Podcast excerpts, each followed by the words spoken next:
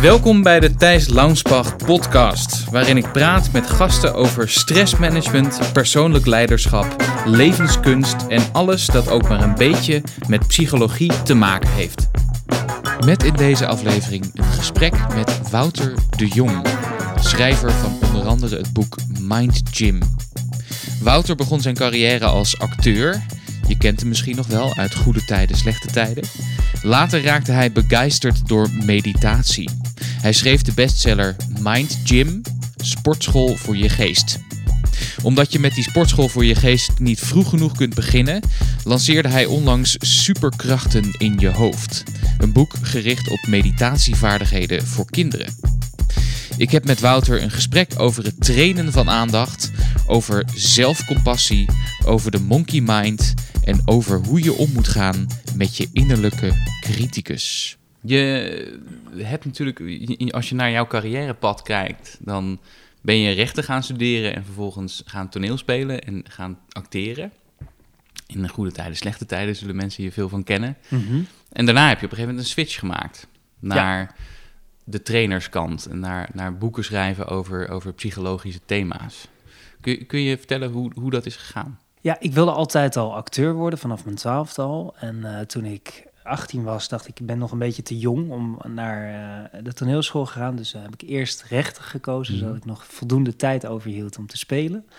Toen ben ik toneelschool gaan doen. En op een gegeven moment was het spelen niet meer toereikend voor me. En dat had ook te maken met dat ik vaak rollen kreeg die ik gewoon niet interessant vond. Maar wel mijn geld moest verdienen. En eh, ja, dat hing ook samen met dat ik in die tijd niet lekker in mijn vel zat. En die combinatie maakte dat ik eh, nou, zelf in een dal raakte en vanuit daaruit met, de, met technieken in aanraking kwam hoe je jezelf ten positieve kan beïnvloeden. En daar was ik zo door gegrepen dat ik dacht, hé, hey, hier wil ik, dit wil ik ook eh, aan anderen mee kunnen geven. En, en zodoende is het balletje gaan rollen. Dus het was niet een hele harde stop van ik ga niet meer spelen, Mhm. maar dat trainingscoachingswerk dat ging steeds, werd steeds groter. En het, en het acteurswerk werd steeds kleiner, omdat ik er minder aandacht aan besteedde. Dat was een soort overgangsperiode tussen die twee dus. Ja, en het grappige is, nu zijn de lijntjes weer meer samengekomen. Dat ik, nu train ik eigenlijk niet meer zoveel, maar doe ik alleen lezingen. Mhm. En daarin ja, zie ik een lezing ergens ook als een theatershow. Het moet gewoon Als een performance. Ja, het moet ook eh, entertaining zijn en, Ja. en leuk. Dat is ook een, een, rol als spreker. Dus dat, eh daarmee komt mijn achtergrond als theatermaker weer... eh, ja, komt samen met de trainers en het coachingschap. Tof. Ja. En, en je zegt, ik kwam in aanraking met dit soort technieken. Hoe kwam je in aanraking daarmee? Ik had een vriend, had ik een meditatiecursus cadeau gedaan. En eh, ik dacht zelf, ja, dat is echt onzin. Ik heb daar zelf niks mee. Ik ga wel ontspannen in de sauna. Ehm, en die vriend die zei, nee, ja, als je me dit cadeau geeft, dan ga je ook mee. Toen zei nou, vooruit, ga ik wel mee. En toen was ik echt zo gegrepen. Want ik, ik, ik zet het altijd weg als zweverig gedoe. Met eh, belletjes en gewaden. Ehm, maar ik was echt meteen, meteen onder de indruk van de eenvoud en de kracht ervan.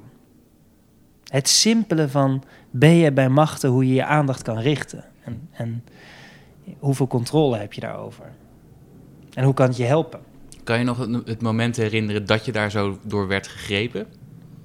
Ja, dat was voornamelijk het moment dat ik meer. eh, het was niet een heel concreet moment, maar in die periode van zeg maar.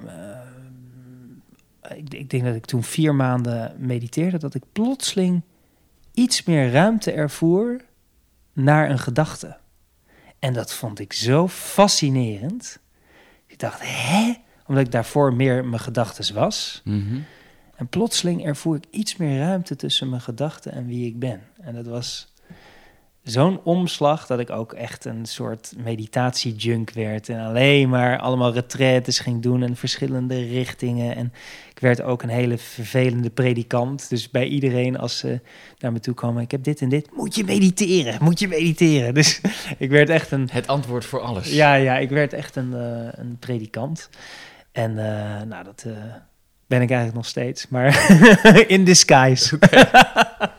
En een hele mooie disguise natuurlijk. Hè, met de, de, de, manier waarop je jouw boek hebt, uh, Mind Gym heb ik het dan over, hebt ingedeeld. Het is echt denk ik een, een heel mooi voorbeeld van die technieken inzetten op een hele toegankelijke en, en een hele gestructureerde manier. Ja.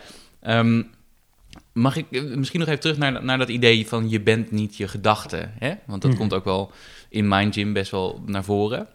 Uh, kun, je daar, kun, je daar nog iets over, kun je daar nog iets meer over zeggen? Uh, niet je gedachten zijn, wat bedoel je daar precies mee? Ja, dus, dus vaak, uh, zo'n bekende uitspraak is, heeft de gedachte jou of heb jij je gedachtes? bijvoorbeeld de gedachte, ik ben niet goed genoeg. Nou, dat is een gedachte waarin je volledig kan geloven op het moment dat je hem hebt. Of je kan zien dat je die gedachte hebt en denkt, oh ja, dat is een gedachte en dat hoeft niet waar te zijn. Hm, dus dan, dan heb je, dat is zo een, een concrete manier om meer controle te krijgen over wat er gebeurt in je hoofd. Ja, om, om zeg maar, uh, uh, nou, ik heb bijvoorbeeld zelf, toen ik zo in mijn, in mijn in mijn dal zat, heb ik heel veel cognitieve therapie gehad. Mhm. En die de cognitieve therapie gaat, gaat er meer uit van je gedachten bevragen met gedachten. En dat kan heel helpend zijn, maar deze techniek gaat er juist over om echt afstand te nemen van je gedachten, welke gedachte het ook is. Meer van het gedachteproces.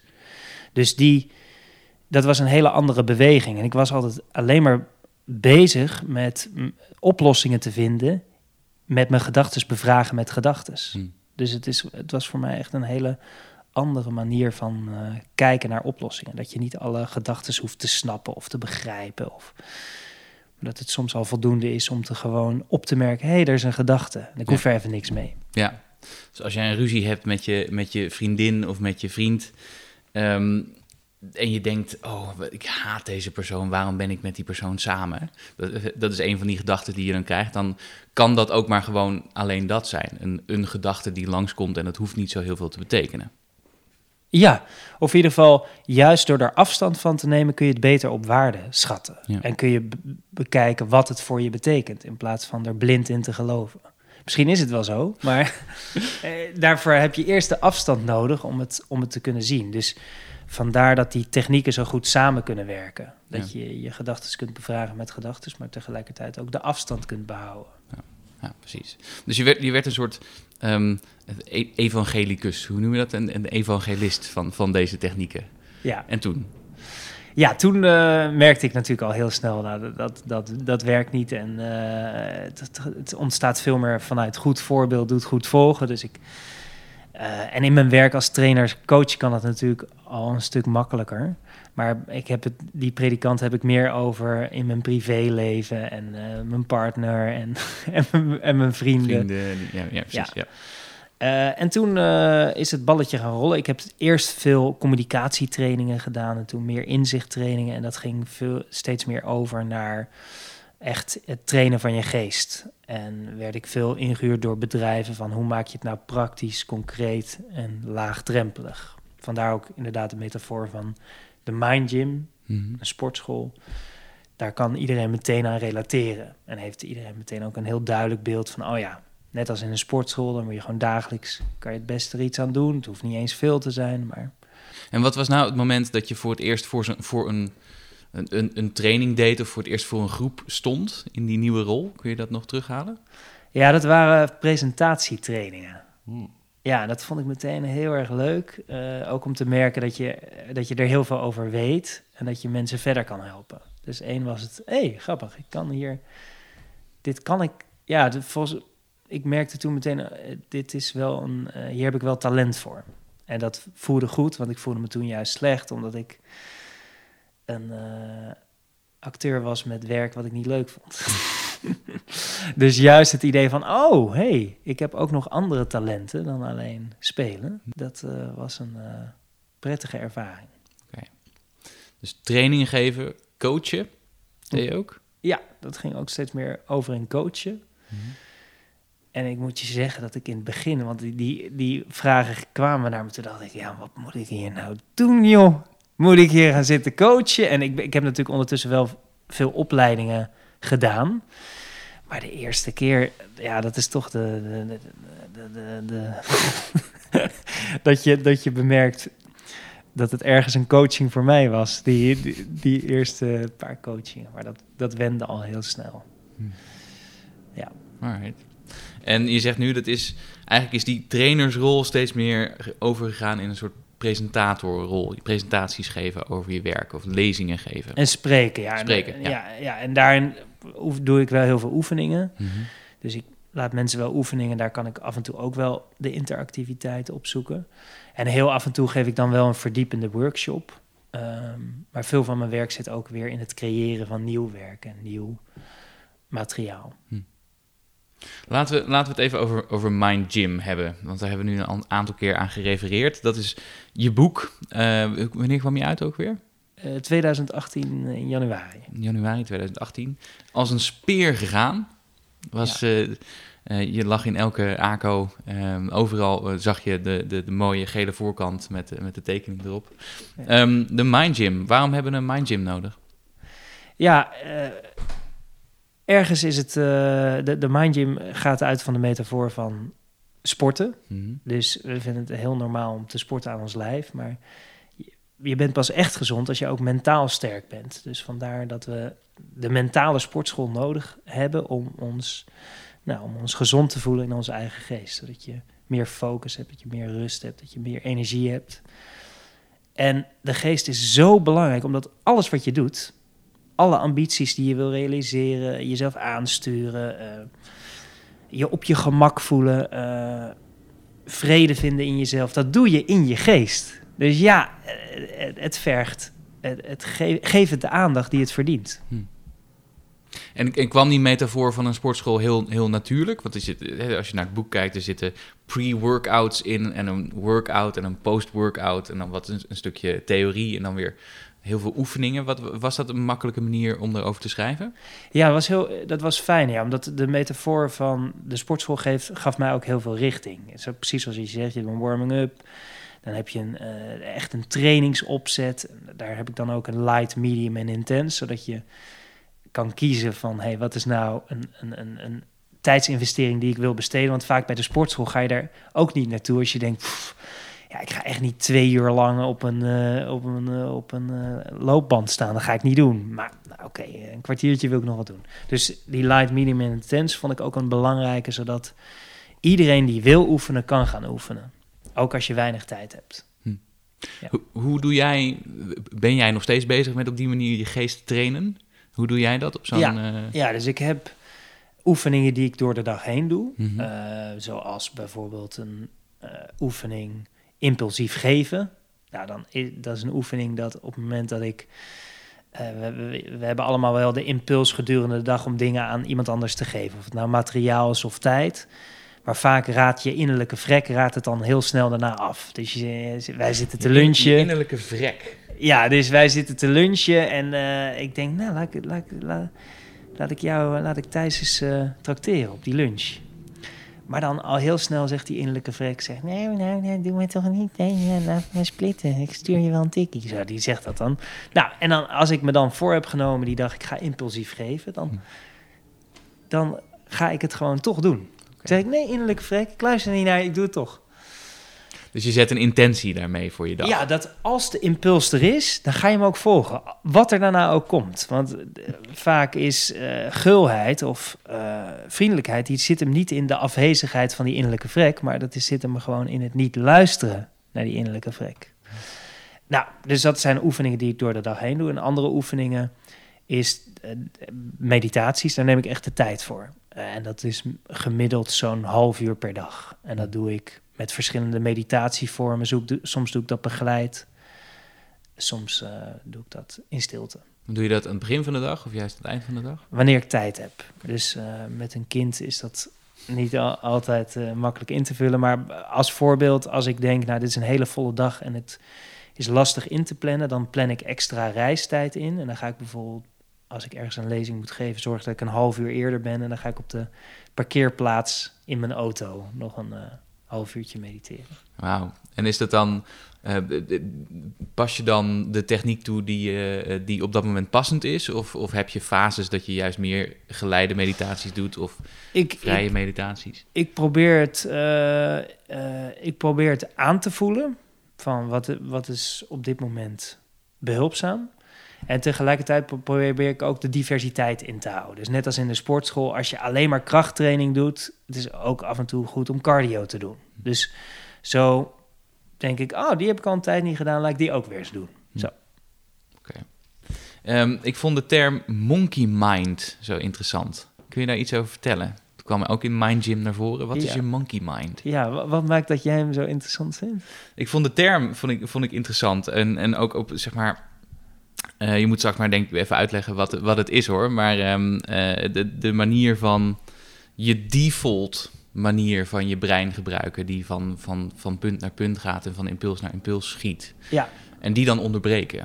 Ja. Of die dan in ieder geval bezien en merken wat er aan de hand is daarmee. Vond ik, vond ik een interessante notie. Ja, dus de monkey mind, dat is een term die, uh, die gaat over onze innerlijke babbelbox. Of uh, ons vermogen tot afgeleid raken. Mm -hmm door, de, door, door onze monkey mind, zo noemen ze het in, eh, in Azië, van de springerigheid van de geest. Die continu van het ene moment naar een geluid gaat en dan weer naar een gedachte en dan weer naar een gevoel en dan weer naar... En dat gaat vaak zo snel dat we natuurlijk meer een deel van de tijd niet nodig, niet, niet doorhebben. En het is ook een heel belangrijk iets, wat heel handig voor ons is. Maar soms ook niet. Als het ergens heen springt waar we op dat moment uh, dat niet zo goed kunnen gebruiken. Hm. En wat kun je nou doen als je heel veel last hebt van een springende monkey mind de hele dag door?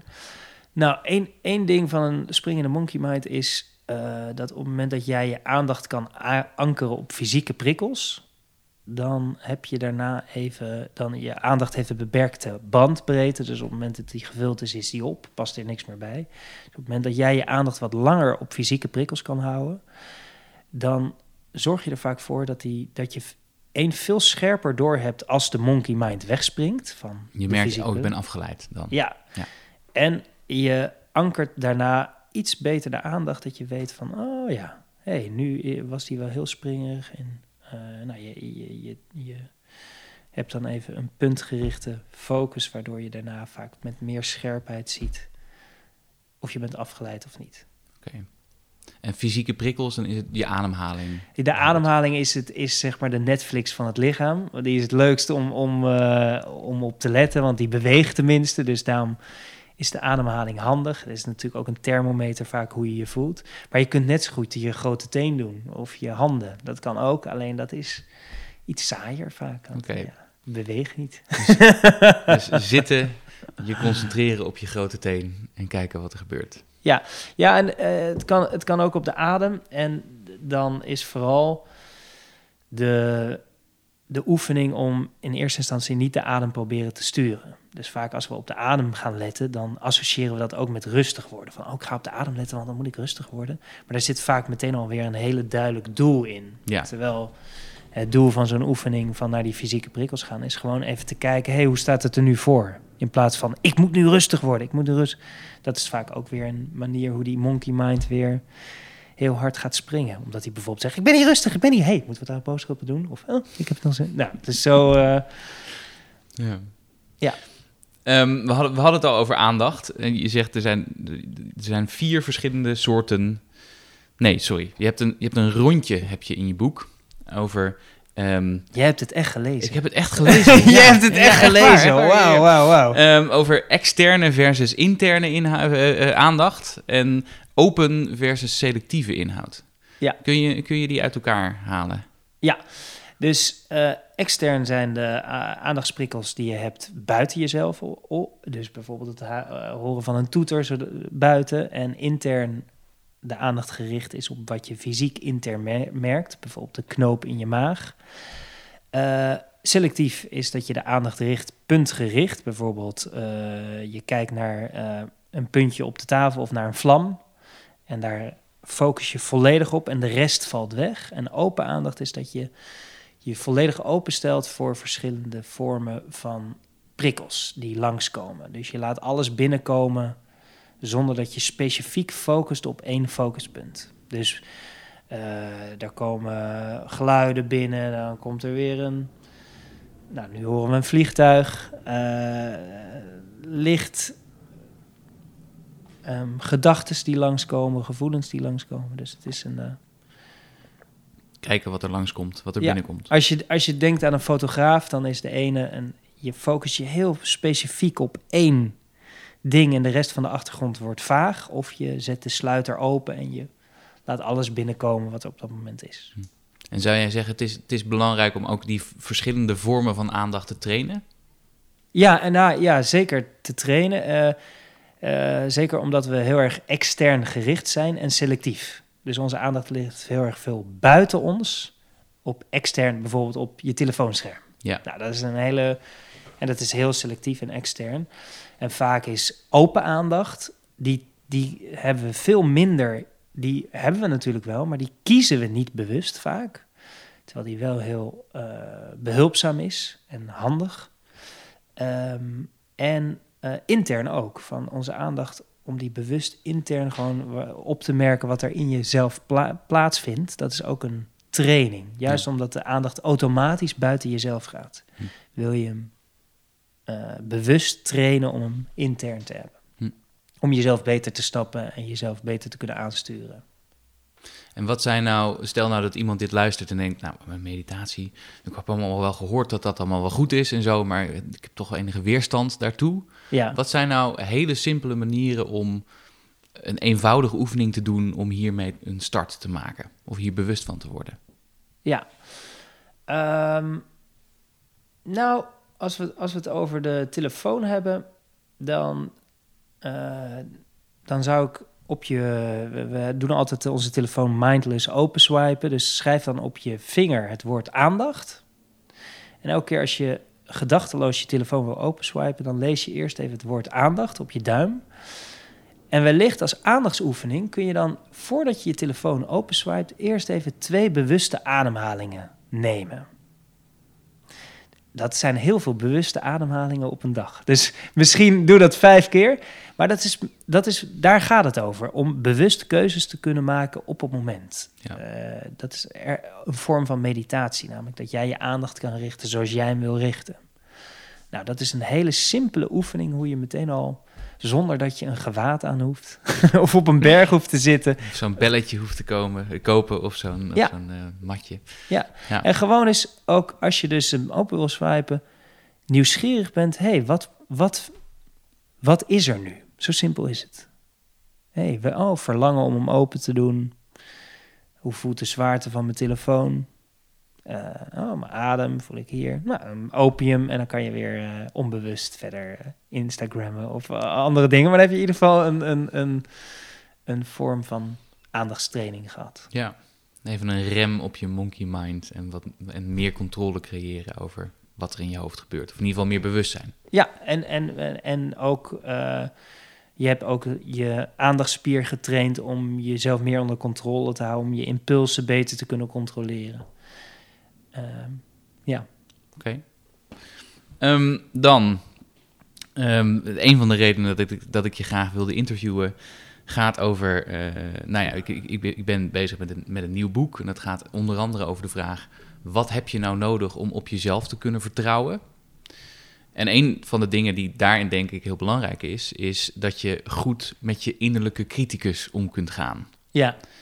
Um, en dat, is, dat, dat, dat hebben de vraag bewust aan jou, omdat daar een aantal hoofdstukken in je boek ook over gaan. Over compassie en over je innerlijke criticus. Um, kun je misschien uh, voor de mensen die dat, die dat niet weten nog uitleggen wat een innerlijke criticus is? Of een innerlijke vrek, had je het net over?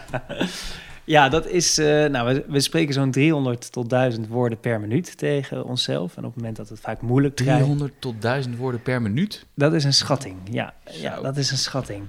Ja, Um, uh, en op het moment dat we het moeilijk krijgen of we falen of we, nou, we vinden, het, vinden iets lastig, dan hebben we vaak een in, innerlijke stem die onszelf afkraakt. De innerlijke criticus. Of onszelf op een afkrakende manier probeert te motiveren.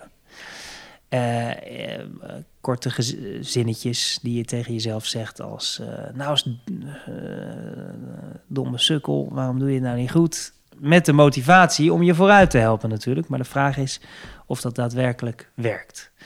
En soms is die, neemt die innerlijke criticus ook de stemmen aan van die je vroeger hebt geleerd. Bijvoorbeeld een hele strenge leraar of uh, een, uh, je vader die achter, altijd achter je broek aan zat. Dus dan internaliseren we die stemmen. Oké. Okay. Dan worden ze deel van ons. Ja. En hoe zit dat bij jou met je innerlijke criticus? Ja, dat is, dat is wel een. Uh, dat was vooral in het verleden een groot thema. Dus als we het hebben over dat diepe dal, waar ik in, het, in mijn halverwege mijn twintiger jaren, dan hing dat heel erg samen ook met niet goed genoeg zijn. En met een hele strenge innerlijke criticus. Um, en op een gegeven moment heb ik ook een opleiding gedaan tot compassietrainer. Mm Van uh, nou, hoe, hoe leer je nou, hoe train je nou compassie? Want heel vaak denken we bij compassie van, ja, ik ben zo compassievol of ik ben zo vriendelijk, terwijl je het juist zelf kunt cultiveren en trainen. En dat gaf me heel veel verlichting in uh, het herkennen van mijn innerlijke criticus en het ook uh, daar milder mee omgaan. Dus wat niet werkt met je innerlijke criticus is natuurlijk het gevecht aangaan in discussie met je innerlijke criticus. Ja, want stel voor je hebt een slechte evaluatie. Je denkt, ik ben zo'n oetlul. En vervolgens denk je, nou, ik ben zo'n sukkel dat ik denk dat ik een oetlul ben. Ja, dan, dan, dan als je, dat wordt, dat, wordt een sneeuwbaleffect. Als je ook nog eens boos wordt op hoe je tegen jezelf praat, ja. omdat je boos bent op jezelf. Ja, dus de sleutel elke keer is op het moment dat je je innerlijke criticus ziet, is er ergens ja tegen te zeggen. Van. En te zien dat, dat, je innerlijke criticus een vriendelijke intentie heeft, namelijk jou verder probeert te helpen. Dus je zegt je letterlijk. gelijk geven. Niet gelijk, je moet hem bedanken voor zijn hulp. Dus je zegt, nou, dank je wel voor dat je me probeert te helpen. Je wilt dat ik me veilig voel, je wilt dat ik me verbonden voel, je wilt dat ik mijn levensdoelen realiseert. Het werkt allemaal averechts, want ik word er, voel me door onveilig door, voel me niet verbonden door. Ik realiseer mijn levensdoelen er niet door. Maar zie hem zien als de overbezorgde bijrijder in de auto die om de haverklap roept: Pas op, pas op. Die gaat er natuurlijk niet beter van rijden. Maar op het moment dat je die bijrijder bedankt, dan is het veel makkelijker om je blik op de weg te houden. Want als je het gevecht aangaat met die bijrijder, dan beland je zeker in de vangrail. Dus het is uh, de enige manier om echt ervoor te zorgen dat je makkelijker kan negeren. Door niet het gevecht aan te gaan. Hm. Dus als je last hebt van een hele overijverige innerlijke criticus, ja. dan is het kwestie, een kwestie van één, dat herkennen van jezelf. Dat is al een moeilijke stap. Dat is al zo heel erg lastig. ja, Hoe praat ik nou eigenlijk tegen, tegen mezelf? Hè? Wat, wat gebeurt er? Ja, en dan wat zeg weer, ik tegen mezelf? Dan zie je weer dat aandacht dus heel belangrijk is. Op het moment dat jouw aandacht meer getraind is, kun je dat weer makkelijker zien. Ja. Dus vandaar dat je begint bij aandachttraining vaak, voordat je dat gaat doen. Ja. Dus één, er bewust van worden. Twee, de positieve intentie erachter kunnen zien. Ja. Ja. En kunnen erkennen. Ja. Maar ook denken, oké, dat, is de, dat is de intentie. Ja, want, je, je, je, want je gaat zo ver van huis zijn op het moment dat je denkt... oh, daar is die weer. Ja, dat is echt een versterkend effect. En dan, dan alles wat je aandacht geeft, dat groeit. Dus als je die vorm van aandacht geeft, dan groeit je innerlijke criticus. Juist door ermee te oefenen. dus de manier van oefenen met je innerlijke criticus is, is erg belangrijk. Hm. Hou je anders maar onbewust, want dan, dan, dan, dan groeit hij tenminste. dan groeit hij tenminste niet. Of even, Maar niet backvechten met je innerlijke criticus. Oké. Ja. Um, laten, we, laten we naar dat onderwerp compassie gaan. Ja. Want daar heb je ook wel eens uh, uh, tegen mij uh, over toegegeven. Dat is eigenlijk een beetje het, het Trojaanse paard van het boek. Ja. Dat is eigenlijk waar het mij voor een groot deel over gaat. Ja. Waarom, waarom is dat, laat ik beginnen met waarom is dat zo belangrijk voor jou, dat thema?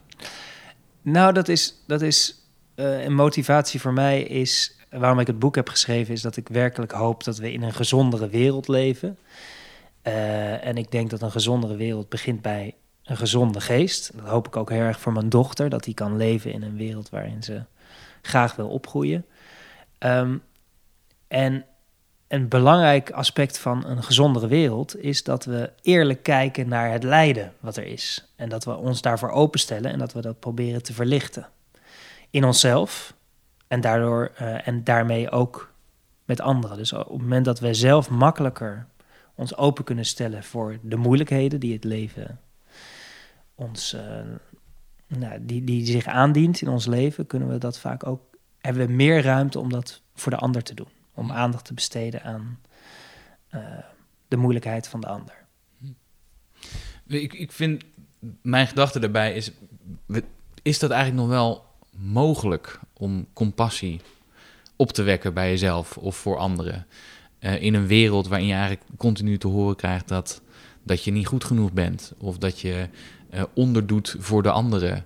Of um, dat het vooral gaat om, om jezelf positioneren. Dat lijkt me zo lastig. Ja, dus het is ook. Om meerdere redenen is het ook uh, wel een uitdaging om het te doen. Want enerzijds is het ook vervelend om een beweging naar het lijden toe te maken. Je denkt niet, nou leuk, ik sta morgenochtend op en ik denk, nou, ik ga eens even naar het lijden toe. Het grappige is dat mensen die meer compassie ervaren, die hebben meer positieve emoties.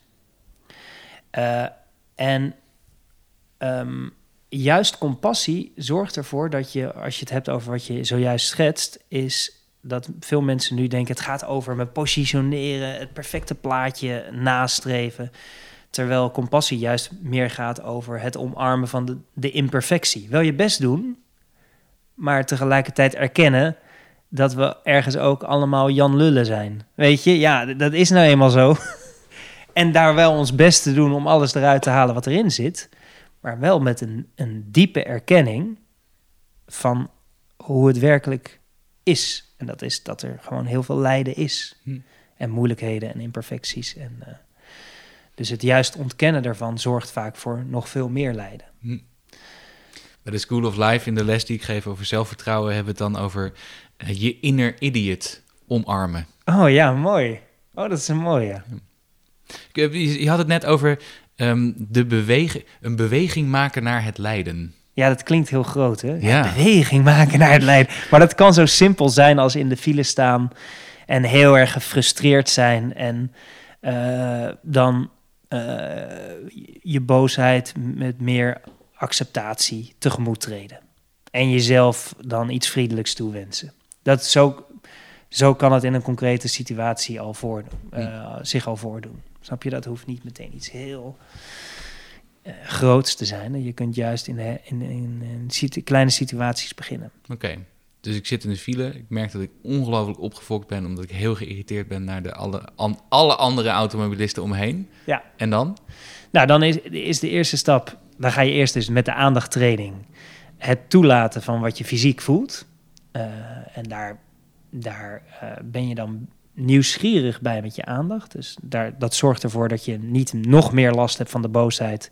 Door bijvoorbeeld ook weer je boosheid heel vervelend te vinden. Want dan wordt die boosheid nog veel groter. En het compassiegedeelte bestaat daar dan in dat je vervolgens, op het moment dat je dat bemerkt, dat je je afvraagt: hé, hey, wat heb ik nu nodig in deze situatie? Wat zou nu op dit moment een vriendelijke daad voor mezelf zijn? Nou, dat kan zo simpel zijn als. Uh, ophouden met mijn middelvinger op te steken naar anderen, tot uh, de, de radio aan te steken, uh, de radio aan te doen met een leuk muziekje op te. Dus het kan alles zijn in die situatie. Maar het heilzame zit er maar al in, in jezelf die vraag te stellen. Ja. Van, hoe kan ik op dit moment mezelf enige verlichting geven? Al is het 1%. En daarmee waarschijnlijk ook andere automobilisten. uh, ja, in ieder geval niet al te veel middelvinger opsteken. Um, maar het gaat dus, wat jou betreft, natuurlijk is dat dat jezelf ook geven is, is vers 2 eigenlijk. Maar het gaat vooral om het identificeren van wat heb ik nu nodig. Uh, wat, ja. Wat, wat, wat, kan ik voor en, mezelf en, doen? En, en dat jezelf, uh, de eerste stap is überhaupt jezelf dat al toe te wensen. Dus soms vinden we het ook al heel moeilijk om onszelf, die, die intentie naar onszelf te hebben. Om net zo vriendelijk naar onszelf te zijn als dat we naar een beste vriend uh, dat heel normaal vinden. Dus het gaat, als je die intentie traint, dan zorg je ervoor dat dat gedeelte sterker wordt. En dat je die overal in elke situatie meeneemt. Soms kan je jezelf dat niet geven. Bijvoorbeeld, stel voor dat je die boosheid niet kan accepteren in die file prima. Dan kan je jezelf wel toewensen. Nou, ik gun mezelf dat ik eh, in de toekomst dit leer te accepteren. Dan train je in ieder geval die intentie om daar vriendelijker mee om te gaan. En die intentie groeit. En je zult merken als die intentie groeit, dat het daadwerkelijk ook uit, waarschijnlijk zal resulteren in dat je uiteindelijk makkelijker kan accepteren. Er, ik werd eh, geraakt in je boek over een, een verhaal dat je vertelt over een stam in Afrika. die een ceremonie heeft op het moment dat iemand over de scheef gaat. Ja, Kun je, kun je, die, kun je die vertellen? ja, mooi. Ja, ik vind het heel leuk, maar eh, vind jij hem leuk om hem zelf te vertellen? Omdat jij hem zelf zo... Ik vind het, ik, het raakt mij ook hoor, maar Ja, nou, ik, ik, ho- ik hoop dat ik hem even goed kan vertellen als jij. Ja. Ehm, maar dat was een, een stam, als ik het goed heb, die op het moment dat iemand een misdaad begaat of een, een over de scheef gaat op de een of andere manier, Ja. niet reageert met diegene straffen of buiten de groep te zetten of ja, ehm, iets te laten inleveren, maar in plaats daarvan een ceremonie doet waarbij er juist, die juist draait om compassie. Ja, dus die, die man, eh, de, de man of de vrouw. Maar we gaan al meteen eruit van dat het een man is. Assuming gender, ja, ja, ja. De man wordt in de midden van een kring gezet. En je denkt dan, nou, nou wordt hij toch afgeblaft. Nou gaat hij toch een billenkoek krijgen. Nou, nou krijgt hij met de zweep. Maar dan gaat iedereen in de stam, gaat, en dan moet wel een beetje een ernstige misdaad, want anders staan ze iedere dag in die kring. Maar dan gaat iedere stam, gaat, iedere stamlid gaat memoreren de goede dingen die die persoon in het verleden heeft gedaan. En dat is, duurt heel lang, duurt soms wel een dag of twee dagen. Puur om diegene ervan te doordringen, er zijn, je bent ook nog goed. Dit is het niet het enige wat je bent. Onthouder, onthouder van, je bent ook nog goed. Ja. Ja. Mooi. Ja, ik denk dat het me zo raakte omdat het, omdat het zo ver afstaat van hoe wij hier Ja, in Nederland of in het Westen de dingen aanpakken. ja zeker. Zeker. Het, het voelt bijna dat je denkt, ja, mooi, maar dat kan Dat natuurlijk kan niet. natuurlijk. nee, nee, het wel, dat kan natuurlijk wel. Ja, Dat is fascinerend, hè? een interventie is dat dan, hè? Ja, Ja. ja. ja. ik denk, ik, eh, als het, als het eh strafrechtssysteem daar meer op geënt zou zijn en minder op vergelding, dat dat eh, de maatschappij wel goed zou, zijn, goed zou doen. Hm. Ja. We hadden het net over compassie en, en, en compassie vinden voor jezelf of compassie trainen binnen jezelf. Ehm, en jij zegt dan volgens mij ook, als je dat kunt, dan kun je ook je cirkel van compassie kun je oprekken. Ja. Wat bedoel je daarmee? Ja, dus net als eh, eh, een, een, fitnesstrainer die met een dikke bierbuik en een peuk in zijn bek tegen jou zegt van nou, we gaan sporten, dat geloof je natuurlijk niet. En het werkt ook niet, want je wil dat die, dat die trainer zelf fit is, gespierd. Nou, zo werkt het ook met compassie dat op het moment dat je zelf meer compassie voor jezelf hebt en kunt ervaren, dan heb je vaak ook veel meer ruimte om vanuit daaruit het voor de ander te geven. Het bekende zuurstofmasker. Je weet wel, eerst jezelf, dan de ander. Ja, precies. En, de, en, de, en, de, en die op een gegeven moment, eh, dat is ook een tango. Dus je hebt zo'n eh, tegeltjeswijsheid, wat op zo'n Xenos eh, tegeltje staat van goed voor, voor anderen zorgen is goed voor jezelf zorgen. Goed voor jezelf zorgen is goed voor anderen zorgen. Dus die dansen continu met elkaar de tango. Zo is het ook met compassie. Dus op het moment dat je steeds meer compassie voor jezelf en voor anderen kunt opbrengen, zo kan het elkaar versterken. Hoe kun je die compassie voor anderen trainen? Ehm, ja, da- dat, dat, ze- ja, dus je kunt compassie kun je, als je het opdeelt om het, om het eh, helder te maken, kun je opdelen in drie componenten. Namelijk, eh, laten we het aan de hand van een zwerver uitleggen. Een zwerver loopt langs. Dan eerst wil je daar aandacht voor hebben. Dat is het eerste component. Je, je ziet een zwerver die lijdt en je wil daar aandacht voor hebben. Dat is component 1. De tweede component is dat je diep beseft... hé, hey, die zwerver, dat had ik ook kunnen zijn. Wij zijn allebei mensen die in hetzelfde schuitje zitten. We hebben gedeelde menselijkheid. We, eh, we zijn precies hetzelfde ergens. Dus dat is de tweede component, dat je diep beseft dat jij en ik diep verbonden met elkaar zijn en dat mijn geluk samenhangt met jouw geluk. Dat als jij ongelukkiger wordt, dan is de kans veel groter dat ik ongelukkiger word. En de derde stap is eh, een daad van verlichting willen brengen. En het liefst dat ook doen, maar in ieder geval de intentie daartoe. Dus een daad van vriendelijkheid. Dus dat zou kunnen zijn het geven van een glimlach ehm, of een euro. Of als dat niet lukt en je loopt al langs, dat je jezelf in je hoofd de intentie dat je toewendt, nou, mogen, mogen deze man er, er snel bovenop komen. Of mogen die onder zijn omstandigheden zo gelukkig mogelijk zijn zoals die kan zijn op dit moment. Hm. Dat is dus een, een hele bewuste manier waardoor je meer compassie kunt kweken voor anderen. Ja, dus één, het bewustzijn, het dieper beseffen dat jouw lijden mijn lijden is. Dat op het moment dat jij ongelukkiger wordt, dat de kans veel groter is dat ik uiteindelijk ook ongelukkiger zal worden. Ehm, en dat we dus heel nauw met elkaar samen zijn, verbonden zijn. En het derde aspect is het willen verlichten. Hm. Wat kan ik er constructief aan doen? Want zonder die stap, ja, dan is het, uh, dan is het, dan is het iets loos. Je wil, je wil wel je, je mouwen opstropen. Anders wordt het een heel leuk uh, navelstaarderig eh, compassie. Maar het is juist iets heel krachtigs. Dus van meer compassie gaat juist veel meer actie uit. Hm. En uh, dat je in beweging komt hm. om er iets aan te doen. En het feit dat jij dit natuurlijk, um, dat, dat jij al jaren hier jezelf in aan het trainen bent, dat, dat betekent natuurlijk dat jij volledige controle hebt over je aandacht. En altijd, altijd compassie naar jezelf en naar iedereen toe, toch? Ja, dat klopt. Ja, dat klopt. Ja, dus ik ben helemaal verlicht. Oh, wat ja. goed. Wat lijkt me dat heerlijk. Ja, het is in mijn feest altijd, in mijn hoofd is het altijd feest. Het is altijd, uh, er is nooit iets aan de hand. Ik heb altijd kompas. Ik snauw nooit naar mijn geliefde. Nee. Ik heb altijd geduld bij mijn kind. Ja. Ja. Wil ik ook allemaal wel. Ja, dit heb ik. Ja, ja. Dus als je mijn boek koopt, dan, dan krijg je dat zomaar. Ja, binnen, binnen twee maanden heb je dat voor elkaar. Dan is het helemaal. Uh... Wat goed. Alright. Um, nee, je zegt volgens mij nu wel met je nieuwe boek zeg je, je moet eigenlijk heel vroeg beginnen met het trainen. Ja, zeker. Want uh, je hebt net een, een boek uitgebracht superkrachten in je hoofd.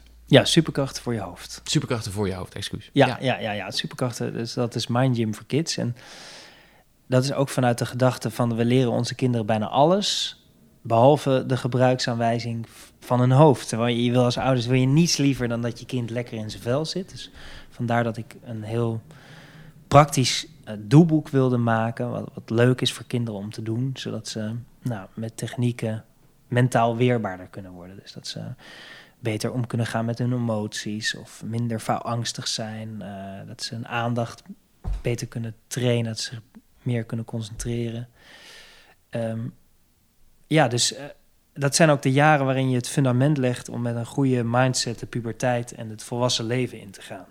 Dus als je kijkt naar het, het stress, vooral ook onder de adolescenten, daar weet jij veel van dat is heel groeiend. Dat is mhm. groeiend. En, de, en de mentale problemen zijn ook groeiend. Nou, op het moment dat je dat al meer bij de wortel kunt aanpakken, dat scheelt weer in de loop der jaren. Het is natuurlijk niet de enige oplossing. Je moet ook dingen in het systeem, denk ik, veranderen.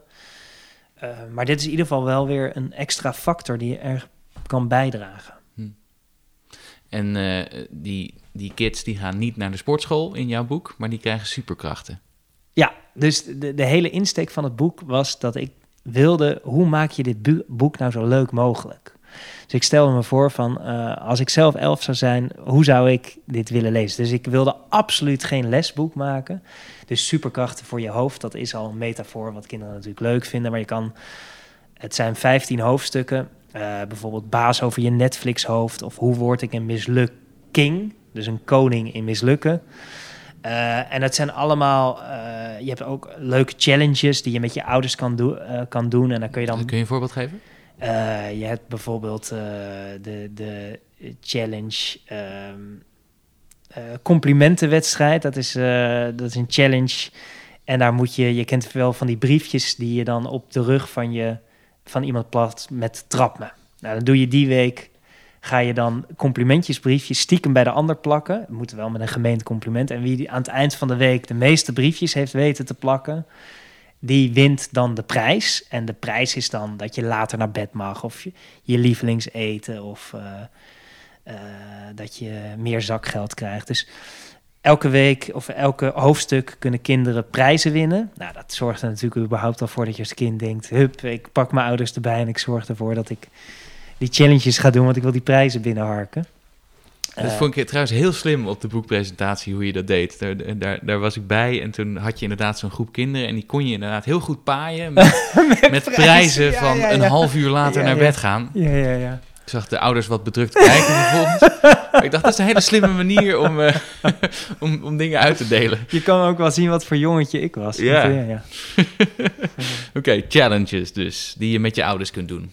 En ook, eh, ook elke week heb je ook een challenge met jezelf. En er staan ook audiotracks bij. eh, die zijn een stuk korter, dus die zijn vaak zeven minuten of vijf minuten. Ehm, eh, om, ja, om, om het kind mentaal weerbaarder te maken op een leuke manier. En de tekeningen van Hein de Kort, die erin zitten, dat is voor mij persoonlijk heel gaaf, omdat hij... ik wilde een striptekenaar waar ik ook zelf van moest lachen. En dat zijn weinig striptekenaars. Want Mhm. Ik vind ze vaak flauw of niet leuk. En hij is echt mijn jeugdheld. Ik, ik keek vroeger altijd... Ik las vroeger zijn strips. Dus toen ik hem vroeg en hij ja zei... Ja, dat was voor mij ook, ook een eer. En ik, ik, ik vond dat zo gaaf. Dat... En ik, ik, moet, ik moet nog steeds heel erg lachen om zijn stripjes. Ook die in het boek staan. Die zijn... eh, ja, die vind ik bij- bijna nog leuker dan het boek zelf. Welke, we- welke superkracht had jij graag willen hebben als kind? Ehm, uit het boek zelf of gewoon überhaupt? Mag uit het boek zijn. Vliegen? Ja, vliegen. Ja, vliegen en, eh, toch ook mensen in mijn macht. eh, dus dat ik ze, dat ik ze zo kon... eh, Besturen. Ja, want ik wilde, ook altijd, ik wilde ook altijd burgemeester worden. Zodat ik de McDonald's in kon lopen en zeggen... nu wil ik hamburgers. want ik ben de burgemeester dus. Geef maar. Oké. Ja. Nou, goed. Er staat ook iets over, eh, kan ik me herinneren, ik heb niet het hele boek gelezen nog, maar iets over boosheid in. Je, je boosheid controleren. Ja, dus dat hoofdstuk heet je boosheid omtoveren naar je zin krijgen. Dus eh, dat gaat er meer over van dat een kind leert van... hey, boosheid is eigenlijk super handig. Want dat is ergens een middel als je dat ervaart... dat het een teken is dat je op een slimme manier je zin kan krijgen. Want je wilt dan iets.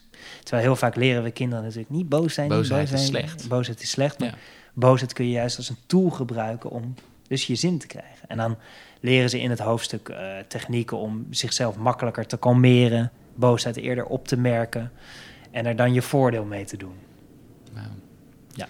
Ook dat gaat, net als waar we het net over hadden, hè, met die innerlijke criticus, over de positieve intentie achterhalen achter waar je last van hebt. Of achter die drive Ja. van jezelf. Ja, dat is ook weer, dat heb je mooi gezien. Ja, dat is eh, eh, ja, vaak het gevecht aangaan met wat je ervaart, is vaak een eh, strategie om er niet aan te gaan of iets weg te duwen. Hm. Wat dan twee keer zo hard boven komt. Dus ja. Ehm, je bent ook bezig met, met je, je weer op nieuwe manieren ontwikkelen. Je bent bezig met een cursus over familieopstellingen. Ja, Hadden we het net eh, voor de opname al een klein beetje over. Kun je, kun je daar iets over vertellen? Over waarom, waarom je daarmee bezig bent? Ja, dat is voor mij is dat eh, ik wil, want ik sta nu heel vaak op het podium en dan eh, heb, ik, heb ik een verhaal en dan zeg ik nou zo en zo zit het in elkaar. En ik vind het heel belangrijk om leerling te blijven. Dus ik probeer ieder jaar een opleiding te doen die helemaal buiten mijn veld van, van, van expertise ligt. Om me juist wakker te schudden en te kijken, hey, wat voor technieken zijn er allemaal. En, eh, en, en hier heb ik geen kaas van gegeten. En ik, mm, ja, was gewoon interessant, interessant hoe, wat dat me doet en eh, hoe me dat kan helpen. En tegelijkertijd vind ik het ook altijd leuk om te bedenken van nou, hoe kan zo'n opleiding wellicht ook in de toekomst anderen helpen als het me, als het me ligt. En op dit punt kan ik, kan ik dat ook nog niet evalueren omdat ik er nog middenin zit. Dus ik sta nog gewoon volledig open wat het me kan brengen en hoe ik er tegenaan kijk. En, eh, en tot nu toe vind ik het heel interessant. En, En wat, eh, wat doe je bij familieopstellingen? ja, je, je, je stelt je familie op om eh, te achterhalen hoe de patronen in je verleden, je heden, sturen. En hoe je juist meer vrede kan hebben met de patronen in je verleden. Ehm, en je dat makkelijker los kan laten. Hm. Juist door het met meer helderheid te zien hoe die patronen precies zitten, kun je ze makkelijker loslaten. Dat is de grondgedachte, als ik het goed heb begrepen. Hè? Want ik ben dus nog leerling, maar volgens mij is dat de, de grondgedachte van... eh, en ben je dus vrijer. Hm. En zo, en zo je familie opstellen, hoe, hoe doe je dat dan? Ja, dus dan, dan als voorbeeld, eh, nou dan, eh, dan eh, zie je bijvoorbeeld, dan zit je aan de kant en dan zeg je, nou, zitten er andere deelnemers en zeg je, zou jij mijn vader willen zijn en daar in de ruimte staan? Zou jij mijn moeder willen zijn? En dan zet je dan ook in de ruimte wat voor verhouding ze hebben. Dus stel voor dat ze elkaar niet kunnen luchten en ze hebben heel veel ruzie, dan, dan zet je ze bijvoorbeeld ver uit elkaar en dan kijken ze niet naar elkaar. Maar dan zie je het veel beter voor je. Dus daarover praten zorgt er vaak voor dat je in je eigen cirkeltje belandt. En op het moment dat je ze opstelt, kun je vaak beter zien. Heb, heb je beeld erbij, waardoor je. Dan Eh, gebeurt er wat. Dan gebeurt er wat en dan kun je, krijg je vaak ook weer nieuwere inzichten. Hm. Juist omdat je de, de ruimte erbij neemt. Net zoals dat je op het moment dat je dingen opschrijft, je plotseling ook weer nieuwe inzichten kan krijgen. In plaats van dat als je Omdat het je maar- dwingt binnen een bepaalde manier het te formuleren. Of op Ja. een bepaalde manier En je zien. ziet het plotseling, wat je, hebt op, wat je denkt. En je denkt, Ja. oh ja, nou, oh, oh, grappig, dit denk ik dus eigenlijk. Ja. Of, een of de hele vervelende ervaring dat je denkt, oh, ik weet hier iets van. En dan probeer je het op te schrijven. Ja, je, ja, oh, ja, ja. ik, kan, ik kan die gedachten gewoon niet goed, formuleren. Ja, Ja, ja, ja, ja. heel vervelend kan dat zijn. Ja, mooi. Nou, zoiets, maar dan met families en dan in de ruimte. Ja. Oké. Heb je zelf al inzichten opgedaan over, over jezelf in dit traject? Ehm, nou, en dat is sowieso wel een thema. Voor mij is het, is het altijd wel belangrijk om alert te blijven om eh, op mijn grenzen te letten. Dus ook om nee te zeggen voor, eh, voor de dingen waar ik geen aandacht aan wil besteden. Dat is wel een thema wat ook hier wel in naar voren komt. Wat je niet wil dat groeit, dat hoef je ook geen aandacht te geven. Ja, en mijn neiging is om vaak snel ja te zeggen. Hm. Ja. Ook voor, en dat is voor mij voornamelijk nu ook zakelijk, omdat ik nu zakelijk dan heel vaak mensen krijg van, nou, zou je, me, zou je het leuk vinden als je, me, als je me hiermee zou kunnen helpen? Of nou ja, dan wil ik in de regel denk ja, nou ja, dat wil ik wel, maar dat, dat kan gewoon nu niet altijd meer, omdat ik gewoon spaarzaam tijd heb. Je, ehm, je gaat eh, dus nu nog voor een tweede deel het theater in. Je hebt net superkrachten voor je hoofd heb je uitgebracht. What's next? Ja, ik ben nu bezig met eh, nog een boek. Dus. Daar ben ik Spannend. mee bezig. Ja, ja en ik, ik heb nog niet echt een. Het wordt in ieder geval een soort. Het wordt een, echt een doeboek met heel veel. Maar ik, heb, ik ben midden in de sudderfase. Dus ik ben heel benieuwd. Ik wil jou dadelijk misschien na de podcast Zeker. nog even uithoren. Ja, sure. Ja, echt een sudder. eh, dat is aan het sudderen. En eh, tegelijkertijd ben ik ook aan het kijken hoe we superkrachten voor je hoofd. Omdat dat merken echt een snaar raakt. Hoe we Mhm. dat ook kunnen uitbouwen. Om bijvoorbeeld te kijken hoe kunnen we er schoolmateriaal van maken. Ehm, nou, hoe kunnen we dat vertalen naar beeld. Dus dat zijn allemaal dingen waar we mee bezig zijn. Heel benieuwd. En ook benieuwd waar dat gesudder op uitdraait. Zo Ja. Over de volgende periode. Ja, Als mensen eh, willen weten waar jij vanaf oktober eh, te, te zien bent in het theater, waar kunnen ze dan eh, gaan kijken? naar www.wouterdejong.nl. Ja, dat staat er nog niet op, maar da- daar staat een theatercollege pagina op. Dus daar kan je, daar kan je het zien. en Ja. als mensen jou willen volgen of even hallo willen zeggen of je willen benaderen, hoe kunnen ze dat het beste doen? Via Instagram is dat Wouter met een laag streepje ertussen. Oké, Wouter, een laag streepje Mindgym. En zal ik oh, zorgen dat deze in de show notes staan hoor, dat mensen daar Oh, naar, wat naar kunnen Oh ja, klikken. ja. en eh, eh, als ze contact willen zoeken, www.wouterdejong.nl contact. En dan eh, komt dat bij, bij, bij mij. Nou, ik zie er in ieder geval heel erg naar uit om je, om je te zien in theater later dit jaar of ergens op die, op die tour. Ehm, super bedankt voor je, voor je aandacht en voor je tijd vanochtend. Ehm, Jij ook, bedankt. Je luisterde naar de Thijs Launsbach podcast. De links, de namen en de informatie uit deze aflevering kun je vinden in de omschrijving. De muziek voor deze podcast werd gecomponeerd door Bart Liebeert en Hugh Blaines. Je kunt je voor deze podcast abonneren, dan krijg je een melding wanneer er weer een aflevering online komt. Dit kan via iTunes, via Spotify, via de andere podcastkanalen of via thijslaunsbach.nl. En mocht je daar dan toch zijn, schrijf je dan vooral ook in voor mijn nieuwsbrief. Dan hou ik je op de hoogte van alle nieuws rond boeken, columns en podcasts.